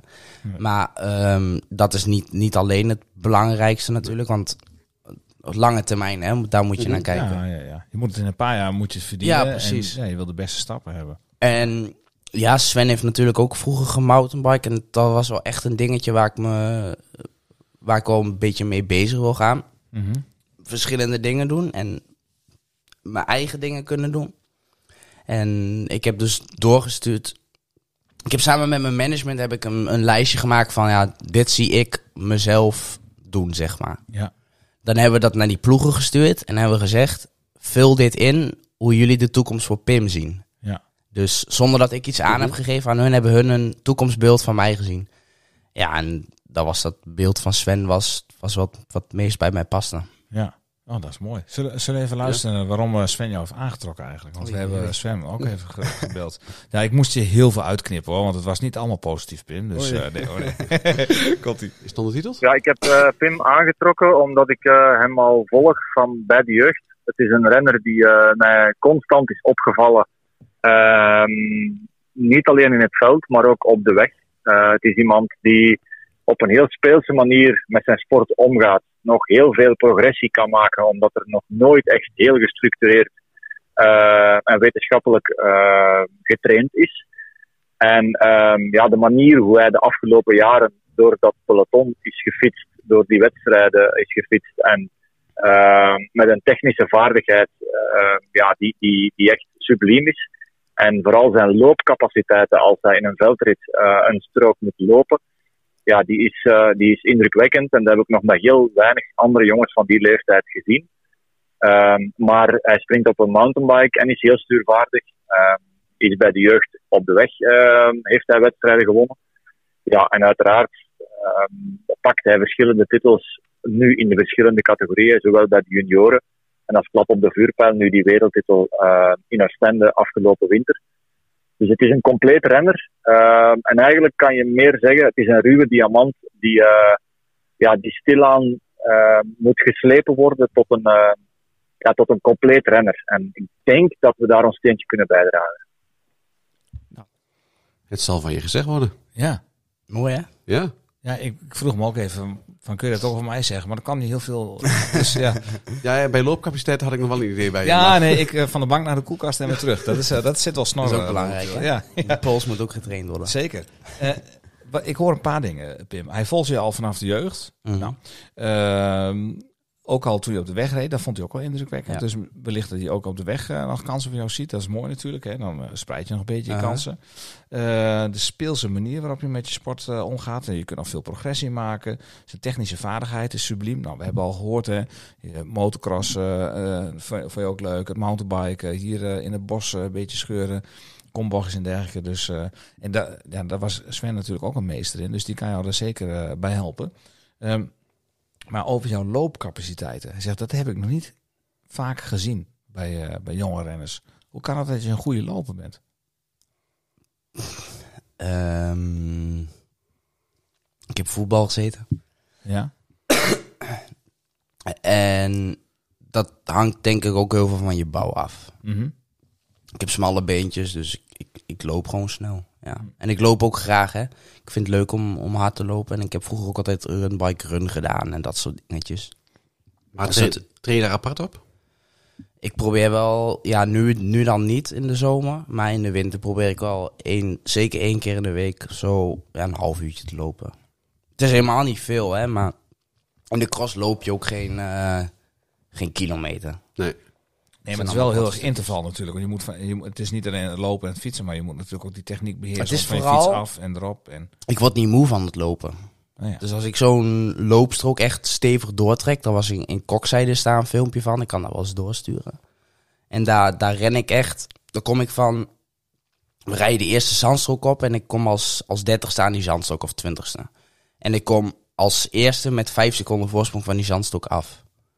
En ja, veel renners zouden zichzelf daar opblazen. Maar mij, ja, ik weet niet. Ik had daar niet. Ja, Dat is echt jouw grootste kracht. ja, het kost mij natuurlijk ook energie, hè. Maar ik, ik, die, die, die afwisseling van lopen naar fietsen, dat doet mij minder. Nou ja, oh, dat is wel mooi. En ik denk dat dat vooral mijn sterke lopen maakt. Ja. Dus dan zijn de, de, eh, de crossen die jou echt liggen, dat zijn dan de zandcrossen. Ja. En echt de zware moddercrossen waar je echt gedwongen van de fiets af moet. Ja, maar ook echt zware stoemcrossen zonder dat je van de fiets af moet, ligt mij ook. Eh, zo- En stoemcrossen, mo- moet ik dan denken aan de Koppenberg eh, cross bijvoorbeeld? Ja, dat soort dingen. Of ehm aspergaveren. Oh ja. Dat zijn ook allemaal crossen die mij liggen. Terwijl ik eigenlijk helemaal geen, geen brede kast ben.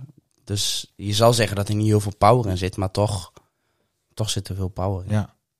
Wat is dan het... eh, kijk, je bent dan nu onder de Svense hoede hè, met de trainer eh, Paul van der Bos.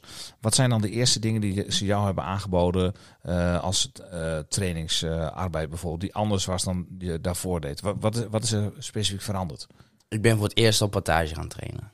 Oké. Dat is wel echt, echt een, een stapje geweest, zeg maar. Want dat is wel echt wat de laatste paar jaar wel serieus wordt genomen in de wielerwereld. De, de Mhm. wattages die, die een renner kan trappen, de watt per kilogram, FTP, allemaal dat soort, dat soort dingen. En dat is wel, wel serieuzer bij mij geworden. En ik Mhm. train nu ook wel iets, iets zwaarder en iets meer. Maar toch krijg ik ook gewoon voldoende rust. Dus die combinatie is, ja, dat is wel... Ja. Maar zie je dan dat je zelf ook, ook progressie maakt? Nu je anders gaat trainen of nu, nu je met wattage gaat trainen? Dat je nu, nu, nu stappen maakt? Ja, ik ben nu een maandje met Paul aan het trainen, denk ik. Twee maandjes. Dus het is moeilijk om nog echt progressie Mhm, te zien. ja. Maar ik kan wel merken dat ik meer inhoud krijg. En dat ik die weken van 24, 25 uur ook gewoon makkelijk kan doen. Ja. Of ja, makkelijk. Die, daar herstel ik gewoon goed van. Ik zit ondertussen, eh, want er waren wat vragen binnengekomen. Ik zal er even eh, erbij pakken. Eh, dan moet ik eventjes, eh, want ik me, omdat ik net gebeld werd, had ik de telefoon uitgedaan. Dus nu moet ik eerst eventjes die weer openen. Ehm, want ik had ge- aangekondigd in de Instagram van het Skoers dat wij jou in zouden spreken. En ehm, we hebben een aantal vragen binnengekregen. En een van die vragen was, wat is je FTP nu? Of wat is je, wat, wat is je wat per kilogram gewicht? Wat trap je ongeveer? Is of is dat geheim? Nee, het is niet geheim. Ik weet het trouwens eigenlijk helemaal niet. Wacht, ik ga een boekje pakken uit de kast en daar staan mijn waardes in van mijn afgelopen test. Oké, nou ik ben heel benieuwd, Robert. Wat denk jij? Wat verwacht jij, Robert? Wat ik, Wat verwacht jij? ja, Eh, ik vind het wel een lastige vraag hoor. Ik, Ja? ik heb er geen inschatting van, eh, van, van, van te maken. Pim die heeft het boekje er even bij. Eh, doe, jij eens, doe jij eens een voorspelling dan? Eh, pff, ja, dat, he- dat heeft natuurlijk ook te maken met zijn, eh, met zijn gewicht. Maar eh, ik denk dat hij... eh, ja, kijk, hij is prof. Dus het zal wel eh, dicht richting de 5 eh watt kilo gaan. 5,2 denk ik. 5,3 misschien. Of is dat nog Op dit moment was ik niet heel Oh. fit. Oh, oh, je doet ook aan indekker.nl. Oké, dat is mooi dat we dat weten. Nee, maar dit is, dit is zeg maar een, een nulmeting. Dus ik had toen ook een vetpercentage van 10,6 procent. 10,6 procent. Ja, dat haal ik ook. Oh, ik met gemak. Ik Denk ook Dus- wel, is hij weer. Dat is wel, wel iets hoger als, als wat we normaal hebben. Even bladeren hoor. De vraag was trouwens van eh, Lars Boven. Die ken je wel, hè? Dan ga ik het helemaal niet zeggen. Nee, nou Lars, jongen, je hebt pech.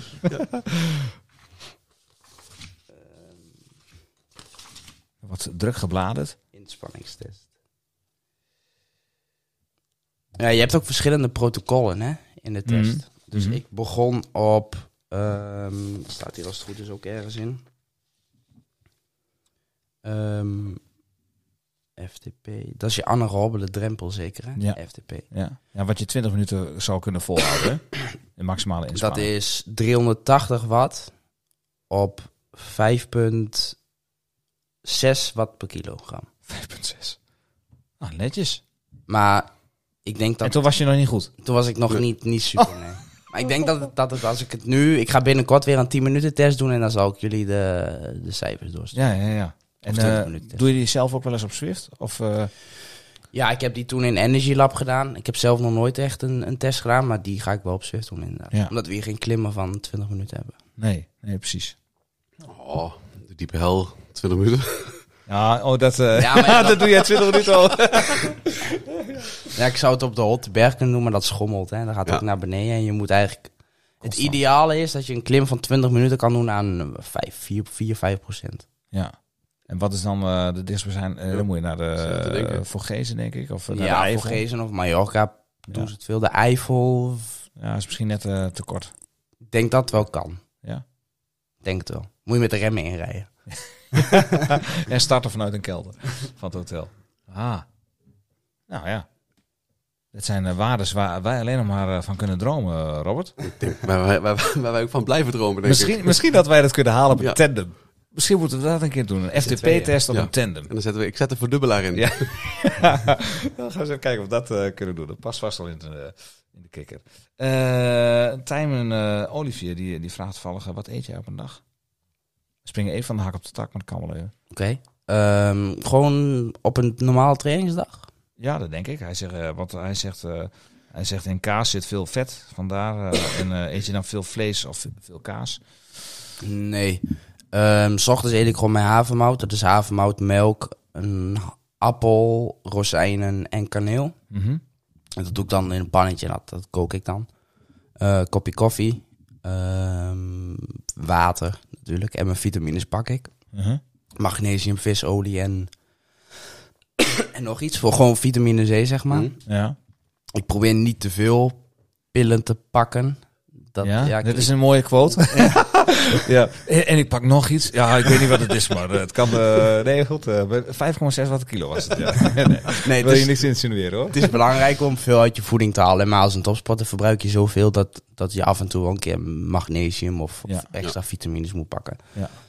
Magnesium tegen de kramp, eh, geloof ik, hè? Ja, maar dat is ook gewoon, ja, ik weet niet eens waar het goed voor is. Oh, ja. te geven aan. Hier, Dus neem dit maar. Ja.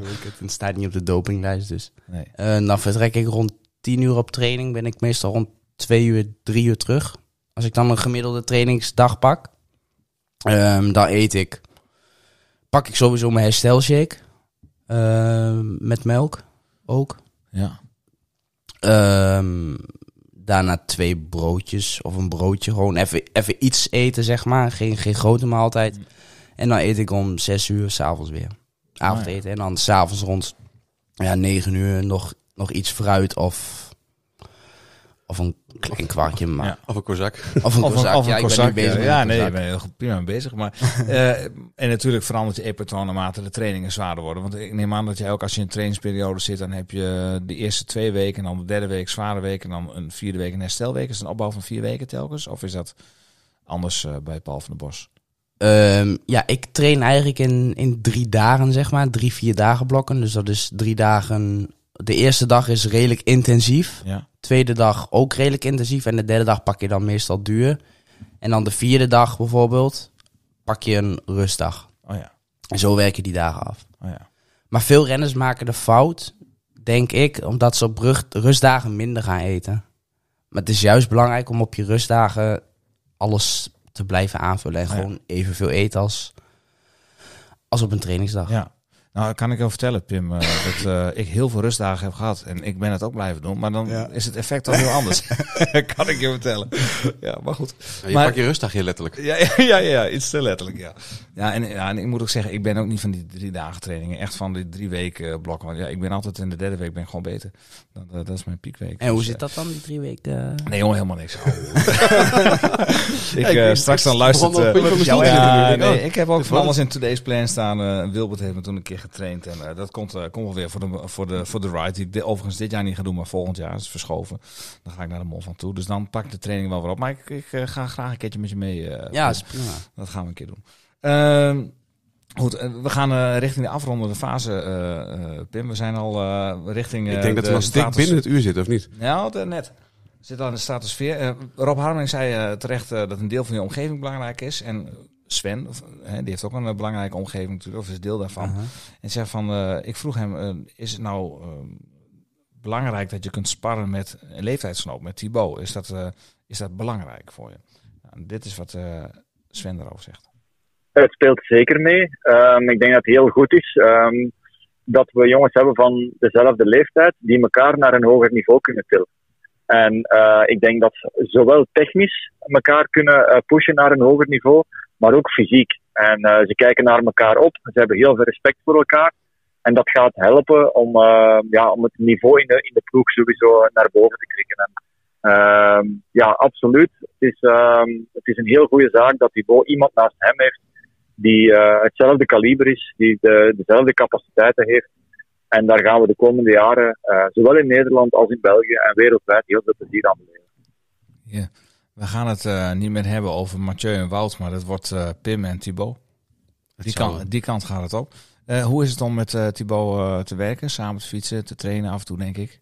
Ja. Of, dat zal niet heel vaak gebeuren, omdat hij in België traint en jij hier natuurlijk. Nee, inderdaad. Maar op, op ploegtraining, op stages en laatst ook was voor de Hageland lig ik met hem op de kamer. Nee, dat, dat is, ik zie hem niet als de zoon van Sven Nee, eh, dat soort dingen. Nee, ik, ik kom gewoon heel, heel goed met hem overeen en we gunnen het elkaar ook echt. Op Mallorca reden we naast elkaar. Dus eigenlijk, het zal toch wel iets zijn, hè? Het zal toch wel vet zijn als we die belofte categorie gewoon echt gaan domineren met z'n tweeën. Ja. Hij zei, ja, ja, dat is wel vet en dit soort dingen. Dus ja, nee, het klikt wel gewoon goed. En ik zie hem niet als directe concurrent of zo. Natuurlijk, in de cross is het mijn concurrent Ja. en mijn ploegmaat.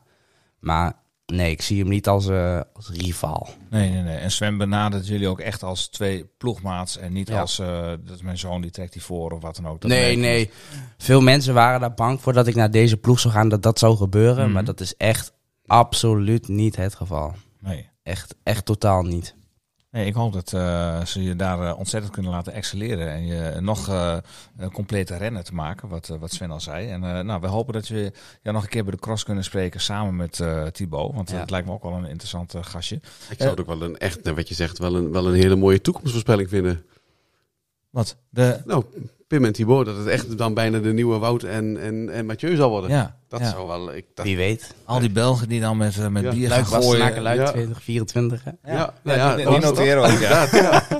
Ja. Al die Belgen zie ik al staan die dan met bier gooien naar Pim. Oh, Holland. Dit, eh, nee, nee, dat valt, valt reuze mee. Volgens mij is die haat en nijd in België is helemaal niet meer zo. Hè? Dat was in het verleden veel meer, geloof ik. Hè? In het verleden is dat, was dat meer, denk ik. Ja. Ik denk dat dat nu...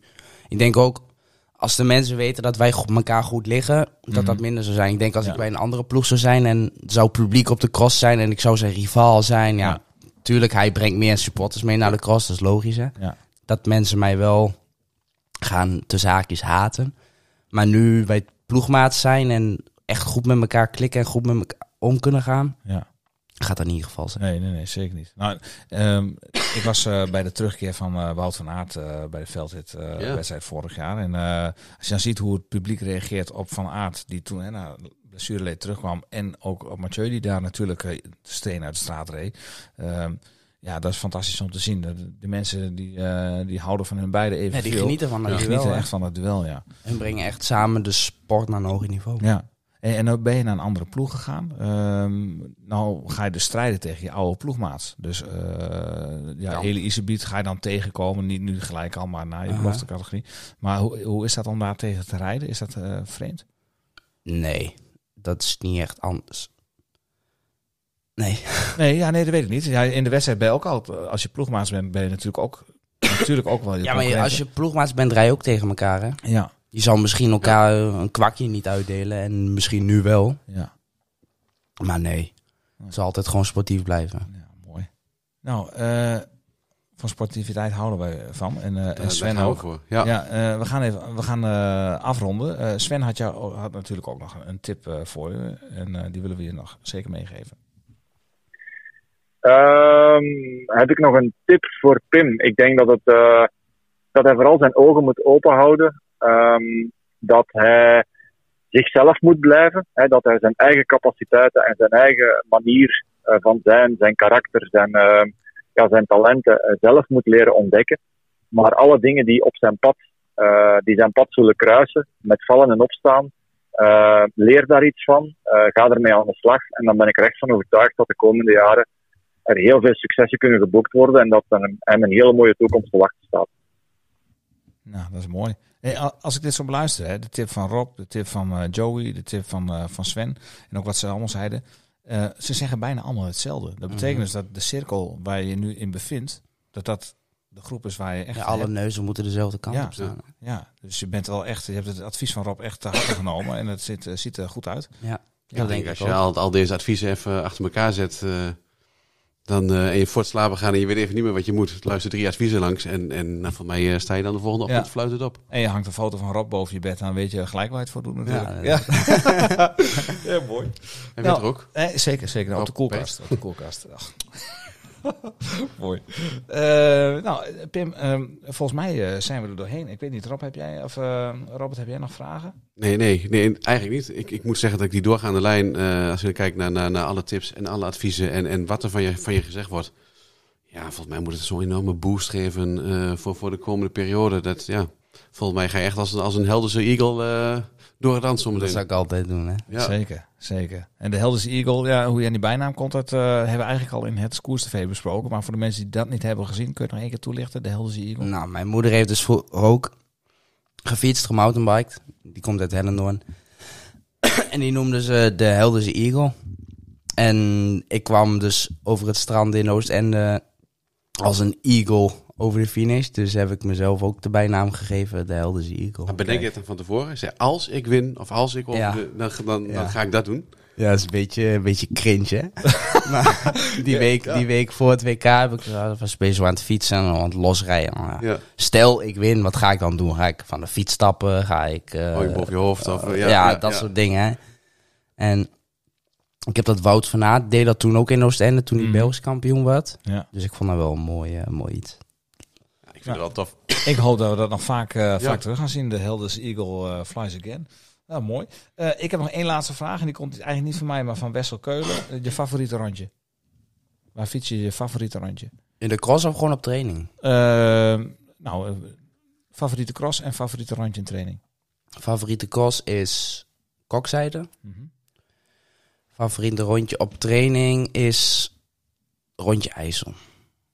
Dat is echt een mooi rondje. Oké, Richting Zwolle en dan richting Deventer, ja, Ja. Zutphen en dan weer terug. ik ken het.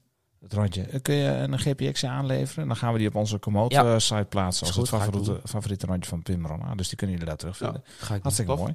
Eh, Pim, ontzettend bedankt eh, dat wij hier eh, eh, op het feestje mochten zijn van je moeder die 50 is geworden. Die Kozakken eten jullie toch wel? Ja, ja, we die Kozakken die, ligt me- die Kozakken liggen me de hele tijd al aan te gluren. dus, eh, Ja, Ik ik, heb hem al op. ik denk, ah, maar niet met volle mond. eh, denk, ah, dat kan nog even niet. Maar eh, ontzettend bedankt dat je bij ons wilde zijn. En eh, ik heb ehm, Joey eh, ook gevraagd van kunnen we op een later moment nog een keer bij de cross eh, een keer wat opnemen, misschien in het campertje. Eh, Sven die wil ook nog een keer met ons. ik heb gevraagd kunnen we nog een keer een cross bespreken, dus dat gaan we ook nog een keertje doen. Ja. Dus ik denk dat wij Pim maar een vast onderdeel van onze show gaan maken en dat wij bij deze maar de, de Pim Ronnaar update in het leven gaan roepen en die gaan we elke week, elke uitzending maar eens eventjes. Ik zou het wel een toffe vinden inderdaad. ja. Dus Goed. Pim, eh, bij deze, je bent eh, niet alleen eh, vriend van de show, maar ook tukker van de show. Gaan we doen. En vooral de Helders Eagle. Bedankt voor je tijd, jongen. Ja, jullie bedankt. Succes verder. Robert, dan gaan wij eh, richting de afrondende eh, fase. Ehm, in de afrondende fase, eh, ja, daar zit altijd die, eh die Twentse spreuk eh, bij. Hè? Dus eh, we moeten eigenlijk eventjes... eh, ja, en zonder eerst- dat we het eigenlijk wisten. eh, ja, natuurlijk hadden we van tevoren nagedacht van nou, eh, wat is de opbouw eh, van deze podcast en, en wat gaan we doen? Eh, en je, je gaat op zoek naar spreuken. En ja goed, ik vind de spreuk die we vandaag eigenlijk hebben, nou, die komt eigenlijk, nou je het hebt over, over je, je mentale gesteldheid. En je hebt het over eh, hoe je er zelf bij zit. Ja, dan, dan is deze spreuk is echt... eh, Ja, hè? waar- Zullen, we- zullen we eerst maar even de fot doen en dan Laten komen we dan doen. bij de spreuk. ja. De Vot, ultimo chilometro. ja. Mag die? Ja, hij mag, hij Daar mag. komt hij hoor. Want eh, zoals we het hier zo mooi kunnen zeggen, wie in dal bluft, komt nooit boom op een berg. Want je riet een toer niet op een stuk stoeten, maar op, eh, bij Ja. pindakaas. Ja, je riet de toer niet om een stuk eh, stoeten, maar nee, nee, je riet de toer niet om een stuk stoeten met pindakezen. Pindakezen. Oh, lekker man. Broodje treiterij. Oh, Heerlijk. Ik vind het verschrikkelijk, pindakaas. Maar ja, Ja? dat Hey, terzijde. Wat gaan we de volgende keer doen? Want dit was een podcast. Volgende keer, eh, want ik hoor het muziekje al eh, lopen in de achtergrond. Wat gaan we de volgende keer doen, weet je dat? Heb je nog een suggestie voor... De vakantieperiode komt eraan, hè? ja, dan moeten we toch wel wat eh, doen. Pim, wat, wat zou jij nog graag willen zien in Het is Koers TV? Heb je nog een suggestie?